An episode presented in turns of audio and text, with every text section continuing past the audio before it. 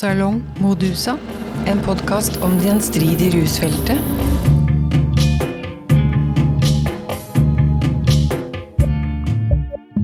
Hei, jeg heter Mette, og velkommen til en ny episode. I dag skal jeg snakke med Audun Harjen om hvordan fremtidens tverrfaglig spesialiserte rusbehandling, TSB, kan komme til å se ut.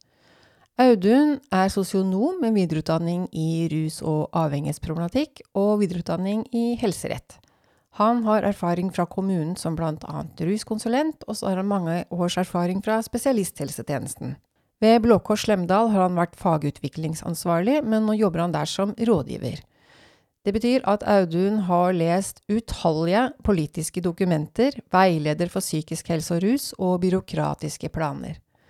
Og han har gjort en analyse, basert på alle disse dokumentene, om hvordan fremtidens TSB vil, kan komme til å se ut. Og det kan se ut som om kompetansen de private og ideelle har ervervet seg gjennom flere tiår, kan gå tapt, slik rusfeltet ser ut til å bli organisert fremover. Det vil bli færre døgnplasser, langtidsplasser. Rusproblematikk forstås definitivt ikke som et sosialt problem lenger. Utformingen av rusfeltet vil kanskje komme til å ligne mer og mer på psykisk helse, hvor avhengighet forstås i økende grad i en naturvitenskapelig medisinsk sammenheng. Som et resultat av dysfunksjonelle nevrale prosesser, som en kronisk lidelse. Det er en drastisk økning i helsefaglig andel ansatte, og det ser ut som denne økningen vil fortsette. Men om vi skal forstå avhengighet, for det er ikke noe konsensus om det, som noe mekanisk som skjer i hjernen, risikerer vi da å miste av syne en større meningsgivende sosial kontekst og problemstillinger som er spesielt knytta til rusfeltet. Det er bare et spørsmål jeg stiller ut i lufta. Men nå skal vi høre på Auduns analyser. Ja, vi kan jo begynne litt med, hvor vi kommer fra, for det er sånn, sånn et greit sted å begynne. Og TSB, eller tverrfaglig spesialisert behandling, er jo på en måte historisk sett vært et område for ideelle kriseorganisasjoner og på en måte kommunene, fylkeskommunen, og, og kommer fra en tradisjon med veldig sterkt fokus på det med, med sosialfaglig omsorg. Og det ble jo ikke etablert som et eget fagfelt før i 2004. Det begynte på en måte på, på døgninstitusjonsnivå, så begynte det i 1909 med, med Blå Kors på Eina. Og staten kom ikke på banen før i jeg tror det var 61, med, med Statens klinikk for narkomane. Så det er et stort gap hvor det bare har vært Legeforeningen, Blå Kors, Kirkens Bymisjon, den type ting. Men i 2004 så kom jo da denne rusreformen, eller Rusreform 1, som det heter så flott. Og der var det jo tanken at man skulle flytte behandlingen av narkomane eller rusavhengige inn på spesialistnivå. Og, og, det har noen plusser og noen minuser. Det kom et veldig sterkt økning på det helsefaglige fokuset, eller helsefaglige delen av behandlingen, og det var det en, en absolutt påkrevet at det kom. Vi manglet var alvorlig syke, med, med, en alvorlig både fysisk og psykisk avhengighet, og det å få på plass både leger og sykepleiere i den delen er veldig viktig. Men det kom også krav om tverrfaglighet i alle ledd, og det er noe som på en måte er særegent for rusomsorgen, at vi skal ha sosialfaglig, vi skal ha psykologfaglig, vi skal ha medisinskfaglig kompetanse til det stedet overalt. Og de rusavhengige fikk pasientrettigheter. Dette gjør at man har eh, en annen lov, lovbeskyttelse i forhold til behandlingen sin. Det er krav til hva som skal til for å avslutte pasientrettigheter, og det er mulighet til å påklage dette i større grad enn det var før. Og så kan du jo på en måte si at det er jo en, en forsøk på å anvende det som kan kalles for biopsykososial tankerekke på, på rusavhengige, at det er behov for mange faggrupper for å kunne drive behandling. Biopsykososial er jo ikke noen ny tenkning i 2004, dette kom fra 70-tallet og somatikken, men, men da på en måte matcher det inn i hvordan vi tenker om rusavhengighet. Og det vi kan på en måte eh, si litt om, da, hvis vi ser hvordan dagens TSB ser ut, så er de organisert under ulike helseforetak. Her har vi måte de regionale helseforetakene i overkant, og hvert av de har da underhelseforetak. Sånn som i Helse Sør-Øst er det vel en åtte helseforetak, og så er det en haug med institusjoner som er private ideelle, som ligger og har direkte avtale med, med RHF eller Helse Sør-Øst. Og som et selvstendig fagfelt så skal TSB ivareta alle basistjenester i pasienten. Vi skal kunne gi pasientene behov for alt det de har innenfor rusbehandling. Vi skal kunne gi avrusning, vi skal kunne gi akuttbehandling, vi skal kunne gi poliklinisk behandling, og vi skal kunne gi døgn. Og det er på en måte sånn som et fagfelt skal være. Det er somatikken, og det er psykisk helsevern, og TSB-en, de tre fagfeltene. Og så har det jo hvordan er det da i praksis organisert? Det vi ofte ser, er at TSB er samordnet med psykisk helsevern, og ofte som en underavdeling under psykisk helsevern. Men hva er det da som gjør at vi måtte ha et eget fagfelt som var TSB? Hvorfor kunne ikke det bare være en del av psykisk helse somatikken? Og det er jo fordi at det er en del ting som er helt annerledes i rusbehandlingen enn det er i f.eks. psykisk helsevern. Vi har denne sterke involveringen av ideelle organisasjoner, som på en måte både har vært historisk, men også er i moderne tid. Over 60% av behandlingsdøgnene i Helse Sør-Øst ble levert av private. Mens helseforetakene har flere pasienter, så sier de at det er kortere behandling i helseforetakene, mens lengre i, i det private. Men det er også en veldig sterk tradisjon for det med omsorg eller samfunns- og sosialfaglig fokus, som er skiller det sterkt fra de andre fagfeltene. Jeg sa litt i sted om det med tverrfaglighet. Det kravet finnes jo ikke i de andre fagfeltene, det er kun TSB som har. I tillegg så er det jo også en sånn tradisjon i TSB for et veldig variert behandlingstilbud, der sånn tullete har man sagt at det er mange veier inn i rus, og det er mange veier ut av rus, og det har gjort at vi har hatt et veldig vidt utvalg av mulige behandlingsformer. Men, men sånn som mange ganger så er det plusser og minus ved det. Ved at man har veldig mange alternativer, så er det også veldig lite strømlinjeforming, og veldig lite um, på en måte kontroll av hva som foregår. Så sånn Helsemyndighetene har hatt lite kontroll på hvordan ser behandlingen ut på de ulike stedene, og modellene har i liten grad blitt målt opp mot, mot moderne tenkning. Man har modeller som er kanskje 100 år gamle i tankegodset sitt, og det, det matcher jo ikke hvordan vi tenker om rus i dag. Og så er det jo en ganske stor bruk av sånn halvtvang eller frivillige tvangsordninger innenfor rusbehandling. Vi har det som heter 10-4, som er en kontraktsang hvor man kan skrive under på at man kan bli holdt tilbake i så og så lang tid. Og vi har også aktiv bruk av paragraf 12, som er at man soner eh, en fengselsstraff i en behandlingsinstitusjon.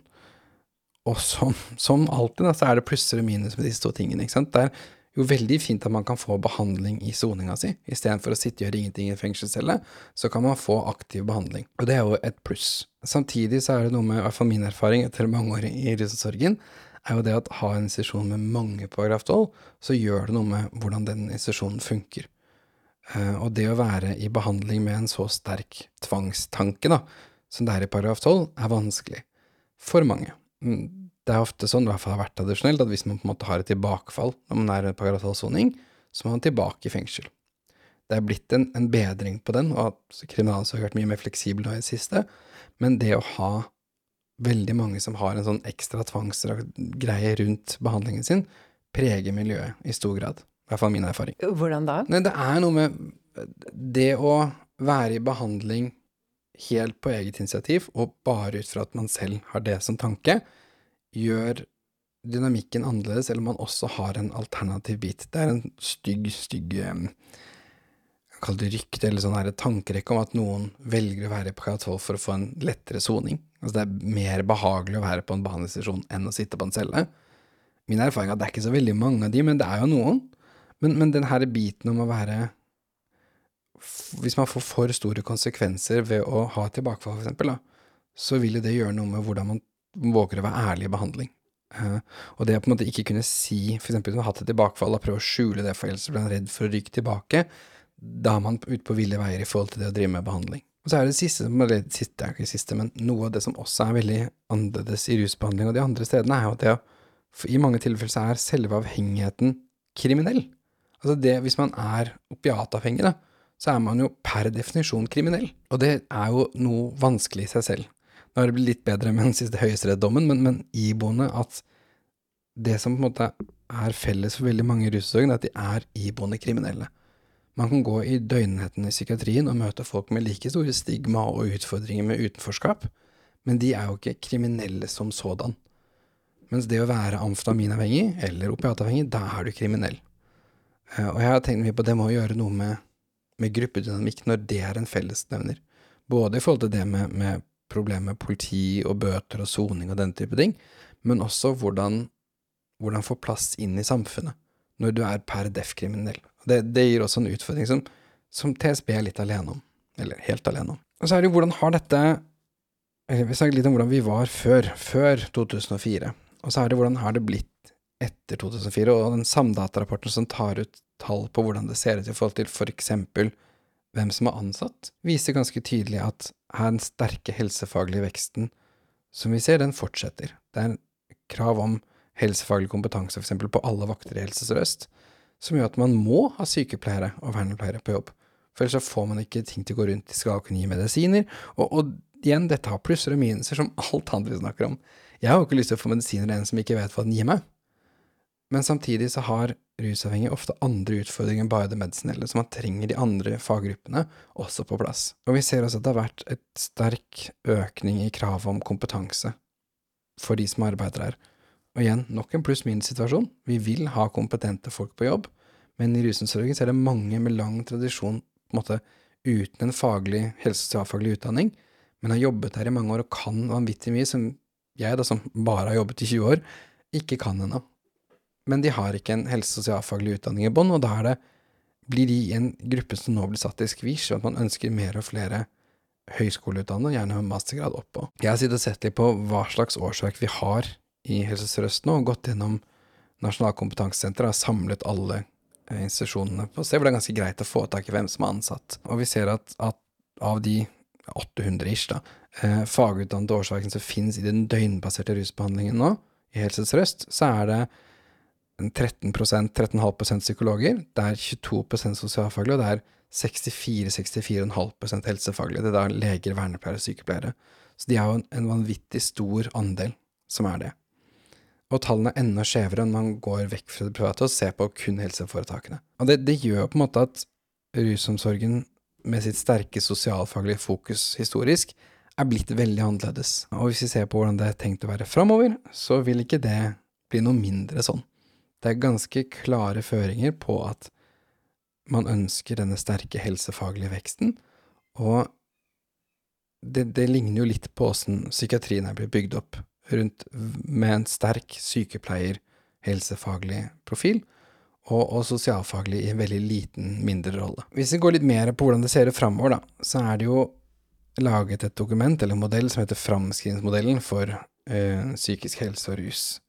Eh, et svært dokument som er, eh, sier noe om hvordan man ser for seg at behandlingsbehovet vil utvikle seg framover mot 2040. Og den modellen er på en måte basert på befolkningsdemografiske faktorer, altså hvordan vil befolkningen vår se ut, hvor gamle vil de være, hvor vil de bo hen, eh, for det utgjør veldig mye i forhold til hva slags behandlingsbehov de har. Har vi en veldig gammel befolkning, så er det andre behandlingsbehov enn en veldig ung befolkning. Og befolkning som bor i byene, har andre behandlingsbehov enn folk som bor på landet. Og den tar også hensyn til en del aktiviteter som er rapportert fra tjenestene, både spesialist- og kommunehelse. Og så er den, eh, sånn som jeg ser det, ganske preget av, av politiske målsettinger. Hvor, hvor, vil vi hen? Hva er hensiktsmessig i forhold til samfunnsøkonomisk tenkning? Den er laget av representanter fra Helsedirektoratet, fra de regionale helseforetakene og fra helseforetakene, samt kommunene. Og så er det noen fra sykehusbygg, og det har vært litt sånn småting rundt, men det har ikke vært noen fra det private ideelle med denne utarbeidelsen. Som jo i rusomsorgen, når vi tenker på at vi leverer over 60 av døgnet, så blir jo det litt rart. Men, men sånn er det nå engang. Eh, og den, denne framskrivingsmodellen den gir jo da et bilde av hvordan helsemyndighetene ønsker at behandlingsapparatet skal tilpasse seg de behovene som kommer. Og det på en måte, hvis du går på ren bare på en sier om rus, da, for det er det mest interessante for vår del, er jo at rus i dag, eller rusbehandlingen i dag, har en veldig høy andel av pasientene i døgn. Vi har rundt 27 av, pasientene våre er innlagt på døgn, mens hvis vi går til psykisk helsevern, så er det tallet 18% Så, så litt sånn hvis vi oppsummerer det, så har psykisk helsevern 160 000 pasienter i året, og bruker ca. 1 million oppholdsdøgn. Mens i rusomsorgen så er det 33 000 pasienter i året, og rundt 600 000 oppholdsdøgn. Det vil si at vi har psykisk helsevern ca. fem ganger så mange pasienter, mens vi produserer nesten 60% av døgnene. Og det, det sier jo at her er det en kjempestor forskjell i hvor mange døgn vi lager. Så i framgangsmodellen så er det forventa at det, det skal være en nedgang i antall døgnplasser. Eh, den er satt opp på rundt 6% Hvis vi sammenligner det med det tallene som er i dag, så vil det si i overkant av 50 plasser i Helse Sør-Øst. Men så kommer det en del ting som sier at det tallet vil nok bli noe høyere. Fordi at i rusomsorgen så har vi et lavt forbruk av akuttdøgn. Vi bruker nesten ikke noe, vi bruker mellom 4 og 5% av døgnene våre er akutte. Det vil si at nesten alle som er innlagt i rusomsorgen, er innlagt på elektivt planlagte plasser. Mens i psykiatrien så er nesten 50% av døgnene akutte. Og så kan man si hvorfor er dette så vesentlig? Jo, det vil jeg si at jo mer Eller ved å ha en så lav andel av folk i akuttdøgn, så har vi veldig mange ganske friske som er innlagt på døgn. Fordi at vi har så mange få som går ut og trenger akutte innleggelser. Mens i psykiatrien så er det en høy andel som bruker akutt. Det vil si det er ganske sjuke pasienter ute i polikliniske forløp. Så det man høy andel som skal inn fort når det først må inn. Og så kan man si noe om at det finnes jo mange faktorer her som gjør at TSB har lav akuttdøgn. Det er jo ikke sånn at alle helseforetak i dag har fungerende akuttmottak. Vi har rusakutten i Oslo, som er sånn den store. Eller så er det veldig mange helseforetak som ikke opererer med egen rusakutt. Man blir innlagt enten i somatikken eller psykiatrien. Og da blir jo ikke døgnet tilskrevet TSB, og det er heller ikke sånn at de får nødvendigvis den behandlingen de er innlagt for. Og her er noe av utfordringen, ikke sant. For hvis vi ikke kan tilby ruspasienter rusfaglig oppfølging når de har behov for det, så har jo vi som rustjeneste bomma litt. Eh, og det er jo ikke sånn at overdose bare skjer på dagtid. Det skjer vel så ofte på kveld og nattestid, så da må man jo ha et tilbud som ivaretar folk som har akutt rusbehandlingsbehov på kvelds- og nattestid. Og det er det i planene som kommer, veldig tydelig krav om. Helseforetakene skal bygge opp det som de kaller for basistjenester, og der er kuttet en av delene. Men hvis man da tenker at TSB skal øke akuttinnleggelsen, så vil jo det også gå de eh, vil gå imot disse 6% nedgangene. Her blir det vanskelig, altså, men vi skal redusere antall døgn. Vi skal øke akuttdøgn. Det vil si at den totale nedgangen av langtidsdøgn vil bli enda mindre. For det, vil, det er inkludert disse siste. Og så høres det jo veldig doom and gloom ut, da. Alt skal gå ned og ingenting mer, og alt blir bare fælt. Eh, men det er jo også sånn at vi forventer en veldig sterk vekst av poliklinisk aktivitet. Med nesten 27 altså fram mot 2040. Og det er liksom, hvorfor forventer vi det? Vi forventer ikke at det blir noe særlig flere rusavhengige. Den raten har vært ganske lik ganske lenge. Vi har ca. like mange rusavhengige i forhold til befolkning som vi har hatt før. Så det, den er svakt økende fordi vi har en svakt økende befolkning. Men hvorfor skal vi da øke poliklinisk aktivitet? Jo, det er jo fordi at man forventer at vi skal kunne håndtere mer pasienter, eller dårligere pasienter, i, i polikliniske forløp. Og så finnes det noen plusser og minuser her igjen, da. Hvordan skal vi håndtere dårligere pasienter poliklinisk? Det utarbeides jo modeller for å håndtere disse. Vi har akt og fakt-modell som på en måte skal ivareta veldig dårlig fungerende pasienter ute. Men dette er jo veldig dyre modeller. Det koster mye å holde den i gang. Og så er det jo sånn at i denne framskrivingsmodellen så er det forutsatt at folk vil flytte til byene, vil øke sentraliseringen. I hvert fall blant de unge. Man forventer en svak motsatt effekt blant eldre. Men folk i byene de bruker mer poliklinikk enn folk på landet. Og hvorfor det? Jo, det er jo fordi at poliklinikken er mer tilgjengelig i byen. Hvis du bor to timer kjøretur fra nærmeste poliklinikk, så gidder man kanskje ikke gå i poliklinisk behandling. Hvis man bor en kvarters gåtur, så kanskje man gjør det. Så, så det er en økelig, høyere grad av poliklinisk i byene enn det er på landet. Og så er det også forventet en økning i den unge gruppen innenfor rusbehandling. Og det er en gruppe som tradisjonelt bruker mye poliklinikk. De eldre har en høyere andel av døgn, og de yngre har en høyere andel av poliklinikk. Så det er jo liksom, hvordan ser vi det for oss, da, eller i hvert fall vi som har drevet med analyse, det er jo ikke det at jeg sitter på en sannhet, men sånn som analysen vår ser, så ønsker, eller blir jo da tanken at man skal ha dårligere pasienter ute, i på en måte litt billigere poliklinisk forløp, til de må ha en mer akutt innleggelse. Litt sånn som vi litt slemt kan si at vi ser i psykiatrien nå. Man skal ha dårlige pasienter ute til de er så dårlige at de må inn, og så inn på korte stabiliseringshopp, og så ut igjen. Og så høres dette igjen veldig dum og glum ut, men det finnes noen gode biter med det også. Det er ikke sånn at døgn er den beste behandling for alle typer problemer. Noen pasientgrupper har store vansker med på døgn. Det kan være at det å være i en døgnsesjon innlagt med la oss si 20 andre, da, over lang tid, det er ganske vanskelig. Man bor tett oppå hverandre, det er folk med egne problemer. Dette er ikke en lett sted å være. Eh, og det å være ute kan være bedre. Og det å få hjelp der man bor, gjør at man kanskje får mer realistisk trening, mer realistisk trening på det man skal gjøre. Hvis man skal være rusfri, igjen, langt i gokk, det kan mange få til, men så kommer man tilbake til byen der man bor, og så er det mye vanskeligere. Så realistisk trening der man bor, kan også ha en sterk fordel. Men hvordan da, sånn det konkret, formes den framtidens TSB som vi ser for oss? Jo, det gjøres gjennom planer. Helsemyndighetene har veldig mye planer.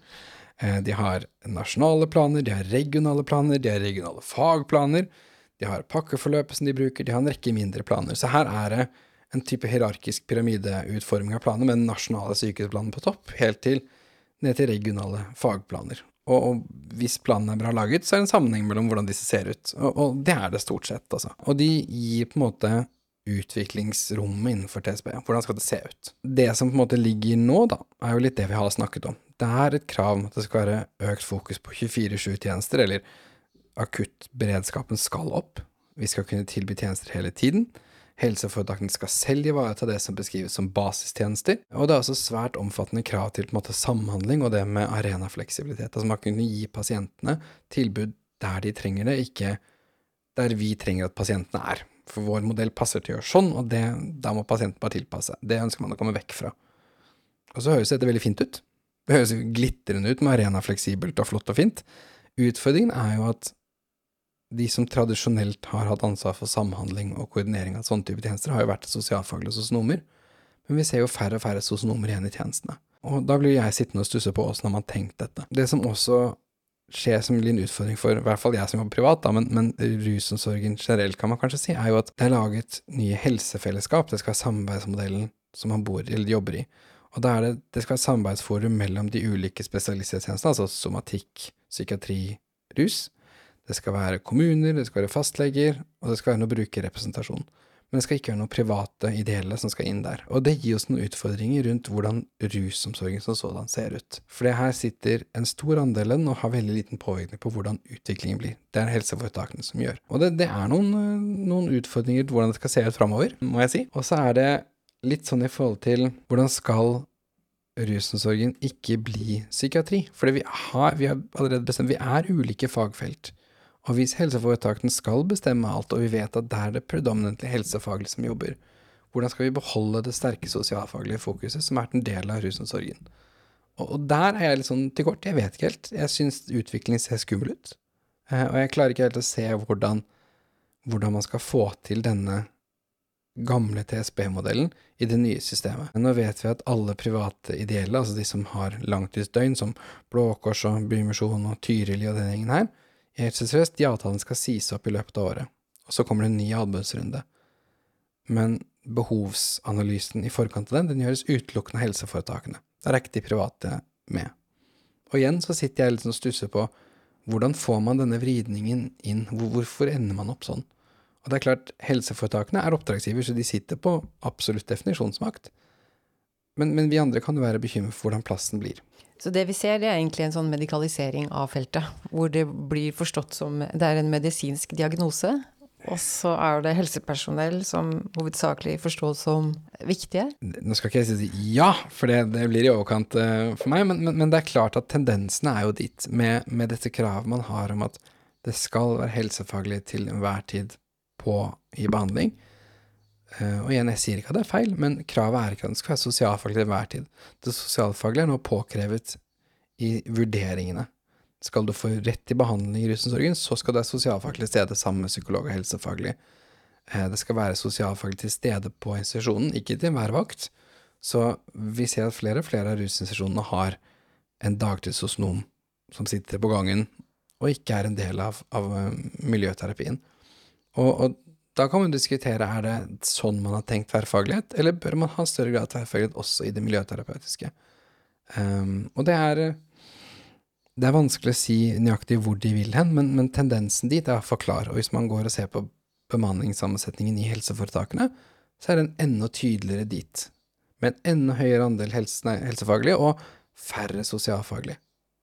Uh, og, og, bekymringen er jo at når man da tenker at de skal ha en større og sterkere posisjon framover, vil det bli en enda mer sykehusgjøring av russbehandling enn det det har vært før. Ja, så da, hva, er det som, hva er det man driver og behandler da? ja, altså det er jo litt sånn det som uh, er uh, litt vanskelig å svare på direkte. Altså rusavhengighet er jo et veldig sånn vidt begrep, og, og, på en måte hvordan man forstår det, er, er jo opp til diskusjon. Man har veldig ulike forståelser ut fra hvilken modell man følger. Men, men sånn predominantly så har man en, en biopsykososial modell som man bruker som forståelse i dag.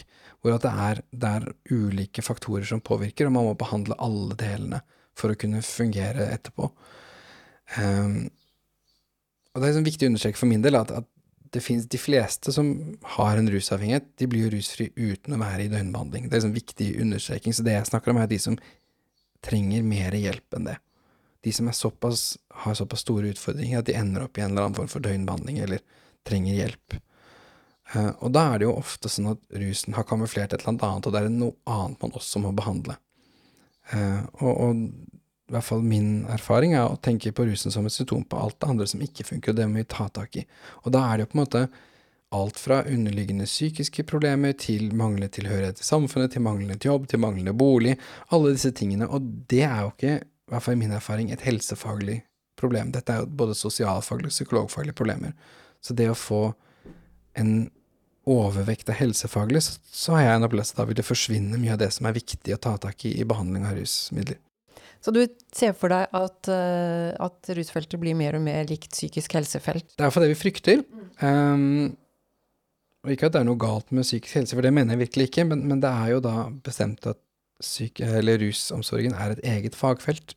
Og så må man nesten kunne stå for det også i krav om effektivisering og, og, den type ting, så må man ha med seg at det er definert som et eget fagfelt med egne behov, og da må man også ivareta det særpreget som gjør at pasientene får den hjelpen de trenger. Det er jo veldig mye kompetanse da, kanskje som vil gå tapt, som eh, eh f.eks. Blå Kors, som har holdt på veldig, veldig lenge, hvor det er eh, å sitte med mye erfaring, og hvordan ser det ut?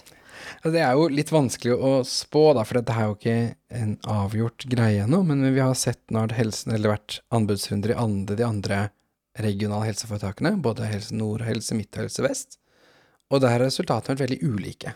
Um, Helse Midt så mistet jo Lade hele poliklinikken sin. Den ble lagt opp til en ren sånn uh, i forkant og etterkant av døgn.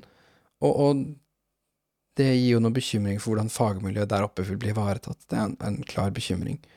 Så det, det er vanskelig å si nøyaktig hvordan det blir. Og, og, bekymringen for disse fagmiljøene som nå har vært sentrale i, i, måte i Helse Sør-Østs rusbehandling, den tenker jeg er veldig reell. Hvordan skal man ivareta de i etterkant? Eh, samtidig så sitter vi jo med et enormt vidt tilbud, hvor forskjellen på hva man får tilbudt det ene stedet og det andre stedet, er så stor at, at, jeg tenker at det med uønsket variasjon, det er en reell greie i rusomsorgen. Det er ikke sånn at det skal være helt ulikt uansett hvor det er hen. Så, så, behovet for å rydde opp og strømlinjeforme, det er absolutt til stede. Men det er det jo hvordan. Hvordan gjør man dette og ivaretar noe av særpreget, samtidig som man får det moderne tilbudet man må ha. Avhengighet som fenomen blir jo mer og mer omtalt som et, eh, en kronisk sykdom, da. Ser du, Avspeiler det seg i planene, syns du? Ja, altså det blir stadig vekk beskrevet som en livsløpssykdom. Um, og, og, det igjen, som jeg alltid sier, det har noen plusser, det har noen minuser. Det er jo noe med at det å Hvis man ser det som en, en kronisk lidelse, da, som i, i medisin er langvarig, så har jo det noen plusser at man kan tilpasse behandlingsforløpet over tid. Man kan variere nivå ettersom hvor utfordrende det er til enhver tid, og man kan på en måte fjerne litt av det her eh, stigma eller skammen å ikke få det til. Hvis man er i gang på sin tredje døgnbehandling, da, så begynner man å tenke på hva er gærent med meg som ikke får til dette. Og hvis man tenker at det har et mer langvarig preg på seg, så har jo det noen positive biter med at man slipper å kjenne på den skammen. Man forventer det går litt opp og ned. Samtidig har jeg møtt såpass mange i min tid i rusomsorgen som har klart seg og ikke har et rusproblem lenger. Så, så, jeg har liksom problemer med å godkjenne det som, som, som fakta, at det er en, en, kronisk eller en livsvarig sykdom. Fordi det finnes så mange motbevisere, eller mange som motbeviser det. Så, så igjen, pluss-minus, som det meste annet. Tenker du helsemyndighetene har det store bildet, altså, eller er det noen som sitter Nå har jo du lest veldig, veldig mye. Tenker du at det at mangler det liksom større bilde eller en større forståelse av noen historiske linjer eller nyanser i de som har utarbeida planene? Nei, altså jo. Både og, som alltid. Eh, jeg syns jo det er gjort mye bra arbeid i disse planene, altså virkelig. Men, men det er en vanskelighet hvis man ikke har jobbet i rusomsorgen eller rusbehandling, å på en måte skjønne kompleksiteten av det, tror jeg. Uh, og det blir lett å sammenligne det med som en sånn liten hybridpsykiatri. Uh, uh, og, og, det er jo litt det jeg syns lyser i disse tjenestene, eller i planene, er at det, man vil helst ha rusomsorgen litt sånn inn som en minipsykiatri, at det passer liksom inn der. Um, og, og, jeg kan skjønne det sånn um, samfunnsøkonomisk, så er det klart det er billigere å drifte på en annen modell enn det rusomsorgen gjør, med så høy døgnbruk f.eks., så er vi en dyr tjeneste i forhold. Men så må man huske på at det er det komplekse i en ruslidelse um, som gjør at det kanskje ikke fungerer med denne modellen som man ser andre steder. Så når det gjelder oversikt Ja og nei, jeg syns det er på en måte helhetlig god tankegang. Jeg bare ikke nødvendigvis tenker jeg at den tankegangen er den beste. Det er, det er litt for ute etter å strømlinjeforme noe som er veldig lite strømlinjeforma i sin natur. Um, og liksom jeg sa til å begynne med at det fins veldig mange veier inn i rus og veldig mange veier ut av rus. Det, det tror jeg faktisk det gjør. Det er mange som har veldig ulike måter den har starta på, denne rusavhengigheten. Og, og, man trenger på en måte litt større variasjon i hvordan man skal rydde opp i det. Og det som funker for en, funker ikke nødvendigvis for alle. Så, så i hvert fall til en viss grad beholde variasjonen som finnes i rusfeltet. Men samtidig så må man, og det, det anerkjenner jeg glatt, at man må strømlinjeforme. Det er for visbredt, det er for lite mulighet til å, å, på en måte gi den moderne behandlingen som vi har ut fra de rammene som fins. Så, så, noe må endres. Er det en større sånn individualisering? I forhold til det som kommer nå, tenker du? Ja. Nei, det er ikke noe individualisering som sådan. Det er vel heller det motsatte. Man skal ha mer likhet i, i hvordan man behandler. Men og her blir det liksom vanskelig for meg, for jeg sitter jo på én tankerekke, og her fins det veldig mange andre som har andre tankerekker enn meg. Uh, men jeg sitter jo og tenker at det å kreve en større grad av tilpassing til moderne tankesett er viktig. Uh, det er et sterkt fokus på at um, behandling skal individuelt tilpasset ut fra hva pasienten har behov for. Det er det jo. Og da må jo tjenesten være i stand til å møte det. Eh, brukermedvirkning har alltid vært viktig, men det er jo enda større grad av fokus på det framover. Både med arenafleksibiliteten og, og på en måte forventningen om at det er brukeren som har avgjørelsen i sin behandling. Eh, og da må vi ha modeller som kan møte det. Hvordan skal vi drive behandling når vi også skal møte det? Hvordan kan vi møte behovet for individuelt tilpasset behandling hvis man har en veldig sterk modellstyrt tilnærming? Det fungerer dårlig. Ehm, så egentlig ja da til din um, individualisering. Det, det er et, et, økende fokus på det, og et økende fokus på at tjenester må møte det.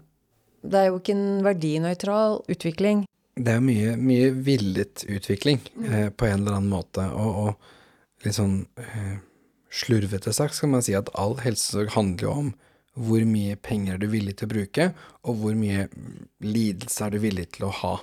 Man kan kaste fryktelig mye penger på det, og på en måte sørge for at alle har det så bra som mulig. Eller så kan man si noe om at vi har bare så mye penger, så så mye lidelse må vi tillate. Og, og den smertegrensen er jo hele tiden en, en diskusjon i dette. Hvor, hvor, mye penger skal man bruke, kontra hvor mye får man ut av det. Uh, og det ser vi jo klart og tydelig i det som har kommet både de siste årene, men også framover, er at det, det, er jo et økende grad av fokus på hva man skal levere, um, og beviselig vil levere. Sånn at det jeg opplever for så vidt at helseforetakene og helsemyndighetene har en klar agenda for hva de vil ha ut av pengene de gir ut, um, men at den her igjen, denne, det er det samfunnsøkonomiske som ligger i utfordringen hele tiden. Vi kan ikke, som, selv om jeg som sitter som kliniker da, og har et behandlingsansvar og ser at det går ut over pasienten, det er for mindre penger, så er ikke det den eneste sannheten. Den andre sannheten er også at AS Norge har så og så mye penger, og vi må bruke det hvordan vi vil. Og da er det en prioritering hele tiden. Så det, det, er ingen Du snakket om det med det helhetlige bildet i sted. Det er fryktelig vanskelig å ha det helhetlige bildet i, helseomsorgen, for det er to litt sånn ulike idealer som skal matche. Det er det økonomiske, og så er det det, kall det medmenneskelige eller behandlingsbiten i det. Og de to er ofte litt sånn øh, motstridende. Du har jo lyst til at alle skal ha all den behandlingen de trenger til enhver tid. Samtidig så har vi jo en, en kriterium på at det skal være kostnad- og nytteeffektivt, det vi gjør. Uh, og hva som defineres som kostnad og nytteeffektivt, det, det, vil jo kunne variere ut fra hvor mye penger vi har. Så, så det er vanskelige, vanskelige dilemmaer å stå i. Men du sa også noe med de helsefellesskapene. Hva er det? Uh, det er jo en, en, samarbeidsform, tenker jeg. Og igjen så er det noe som tar opp dette som har vært et problem, og er et problem. At folk legges inn til behandling og har behov for mye mer enn det området det er behandling i. Folk som kommer til rusbehandling, eksempel, har behov for hjelp fra somatikken. Vi vet at den somatiske helsa til folk med langvarige rusproblemer er skrall. De kan ha behov for hjelp innen psykiatrien, de kan ha behov for hjelp fra kommunen. Og vi vet at vi er for dårlige til å samarbeide på tvers. Så helseforetakene, eller helse, unnskyld, helsefellesskapene er jo et, et forum som skal ment å imøtekomme det. Både med tanke på utvikling av tjenester framover, men også hvordan vi forholder oss til det vi allerede har. Så, så tanken er god. Eh, og, og, jeg tror også gjennomføringen kan være bra. Jeg blir litt sånn eh, bekymra for at rusbehandling, eller TSB, blir en ganske liten aktør i dette. Og, og vi fjerner eh, alt av private deler som gjør at vi blir enda mindre representert. Så det blir, det blir, en liten del av et stort bilde. Eh, og det er jo litt av rus, eller TSB sin store utfordring, er jo at vi er ganske små i forhold til de andre fagfeltene. Og så vil det nok også være i helsefellesskapene framover. Må dere private legge om til å bli mer polikliniske, tilby polikliniske tjenester da, i byen? Vi vet ikke helt. Det er jo det som er litt spennende. da. Vi vet jo ikke helt.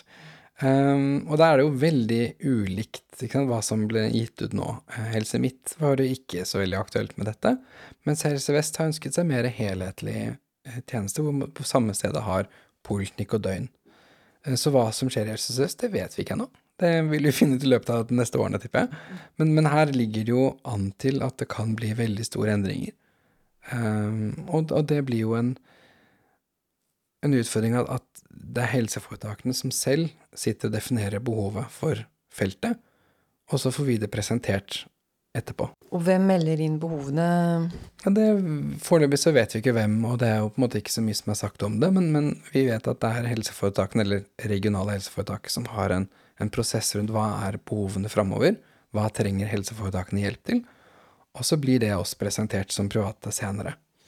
Um, og vi ville jo helst gjerne vært med og ment noe om hva som var behovene, Eh, men, men det er vanskelig. Mm. De private er ikke invitert inn i helsefellesskap? Nei, det er vi nok ikke, ikke det, og ikke i, i denne på en måte kommunikasjons- eller tankerekken om hvordan det skal se ut framover. Der vil vi få en innspillsmulighet senere, men det vil være etter at, etter at måte, helseforetakene har sagt sitt, og hvordan det skal se ut. Um, og så er det klart, det har de jo full rett til. Det er de som er oppdragsgiver og på en måte sitt setter premissene. Uh, Samtidig så tenker vi at det å anerkjenne at det fins private institusjoner med veldig mye kompetanse, og private aktører som har gjort dette veldig lenge, er, eh, hadde vært mer sånn Hadde nok vært fordelaktig, tenker vi, da. Men, men uh, her gjør de som de vil. Er det noe du tenker som vi ikke har fått sagt, eller som du vil si? Jeg vet ikke helt. Altså, det er jo Det er liksom Det er et veldig, eh, som jeg har sagt mange ganger, komplekst system nå, og det er jo på en måte Det er midt i en sånn ganske stor endring. Eh, det er ikke så lenge siden de satte i gang med, med et kvalitetssystem for rusbehandling som heter Kvarus. Vi har ikke fått noen resultater fra det ennå. Det kunne vært spennende å se hva de ender opp med nå. Nå gjøres det veldig store forpliktelser i de årene som kommer, før man egentlig har noe, noe mer enn det man har nå av forskning på det. Så, så det blir veldig, veldig spennende å se hvor vi ender opp om to-tre år. Eh, kan ha store konsekvenser for hvordan for rusfeltet ser ut framover. Hva er det Kvarus hva, Bare si litt grann hva det er for noe. Det ble jo satt i gang, nå husker ikke jeg når det var 2019, men um, det er et, et, kvalitetsregister som skal da på en måte ta mål av seg til å finne ut hva er det vi gjør i rusomsorgen, eller rusbehandling, og hva er det som funker. Og det er jo da et, et skjema som skal fylles ut av pasient og behandler når man er i det som heter pakkeforløp TSB, da. Så kan man fylle ut dette ved oppstart, og så fylle ut om det er hver 12. eller hver 16. uke gjennom hele forløpet. Og så skal det følges opp med en en undersøkelse et halvt år etter man er ferdig. Og målet er rett og slett å se hva ble gjort, og hva funka, og hvordan var pasienten fornøyd med det den fikk tilbudt. Um, som jo høres litt sånn det burde man gjort for lenge siden, men det har man da ikke gjort. Det har ikke vært et nasjonalt kvalitetsregister for sånne type ting. Det fins masse registre for andre typer ting i somatikken og psykiatrien, men, men har vi ikke hatt det før nå. Um, og det kunne jo vært fordelaktig om man kunne hatt disse prosessene man har nå, hvis man hadde litt mer forskningsbasert på det. Men, men nå gjøres forpliktelsene, som vil vare i lang tid, i forkant av dette. Så selvrapportering er vanskelig. Jeg har jo sett at det kom ble jo sendt ut sånne spørreskjemaer også til, til bydelen jeg jobba i. Hvor man skulle fylle ut hvor fornøyd man var med det, eh, tilbudet og bolig og alt. Så jeg tenkte det var så få som ville svare, og jeg tenkte hva måler de egentlig? Hva, hva får man egentlig vite nå? Det er jo litt det samme som gjelder Kvares. Altså, hvem er det som gjør det, og hvor mye gjør man, og hva måler man? Det er, det er veldig mange spørsmålstegn ved en sånn type kvalitetsregister, men samtidig så er det iallfall et forsøk da, på å prøve noe vi ikke har prøvd. Og det å på en måte få kvalitetssjekka rusbehandling, litt sånn objektivt nøytralt, det tror jeg er viktig. For som vi sagt mange ganger, det driftes i veldig mange modeller og veldig mange tankerekker nå. Eh, noen veldig gamle, noen helt nye, uten at de skal måles opp med kvalitet, men, men, det å få et, et objektivt register på hva som funker og hva som ikke funker, det tror jeg kan være hensiktsmessig. Og så kan man spørre om Kvarus gjør det eller ikke, det er en annen diskusjon. TSB er i utgangspunktet et forskningssvakt felt. Vi har lite forskning i forhold til de andre eh, feltene. Det gjøres en del forskning men, men lite på en måte i hvert fall som jeg har fått tak i, som går på hva slags behandlingsmetoder bruker vi, og hva funker. Og, og det kunne jo vært spennende å se på. Samtidig så er det jo kanskje vanskelig å få noe konklusivt svar på det, og det finnes mange biter rundt dette som ikke jeg skal mene så mye om, men, men her er det jo definitivt ikke eller behov for noe mer objektive data. Om vi klarer å få tak i det eller ikke, det er en annen sak. Kvarus, tar det noe sånn hensyn til Spør det noe om metode eller noe sånt, eller er det bare sånn opplevd Det baserer seg bare på hvilke tiltak som er gjort i behandlingen. Eh, man rapporterer på en del eh, aktivitetskoder man, eller prosedyregod som man gjør i en behandling, og det skal også rapporteres. En behandlingsplan, kriseplan Det var slags individualsamtale med det preget, og gruppesamtale med det preget, og det, det, det, rapporteres ganske vidt. Det er derfor det møtes en del motstand, for det er veldig mye jobb å gjøre det. Men det er jo en, en det skal rapporteres ut fra hva man hva pasienten blir utsatt for, eller ikke utsatt for, men, men hva slags type behandling som gis. Det er jo det som er målet der. Så sånn oppsummeringsvis så er det et felt som det ser ut som kommer til å vris enda mer over til psykisk helse. Hvor det ser ut som det sosialfaglige forsvinner. Og det forsvinner kanskje en del kompetanse også. Det er jo bekymringen vår, det du mm. sier nå. Det er, jo, det er, jo, på en måte litt sånn worst case scenario, men, men samtidig så ikke så veldig urealistisk. Helsefaglig framveksten er ganske stor allerede nå, og, og den sosialfaglige blir mindre og mindre. Og, og det ser vi allerede nå. og det er grunn til å frykte at den prosessen fortsetter. Og da vil man få et, et veldig annerledes rusbehandlingsfelt enn det man har hatt før.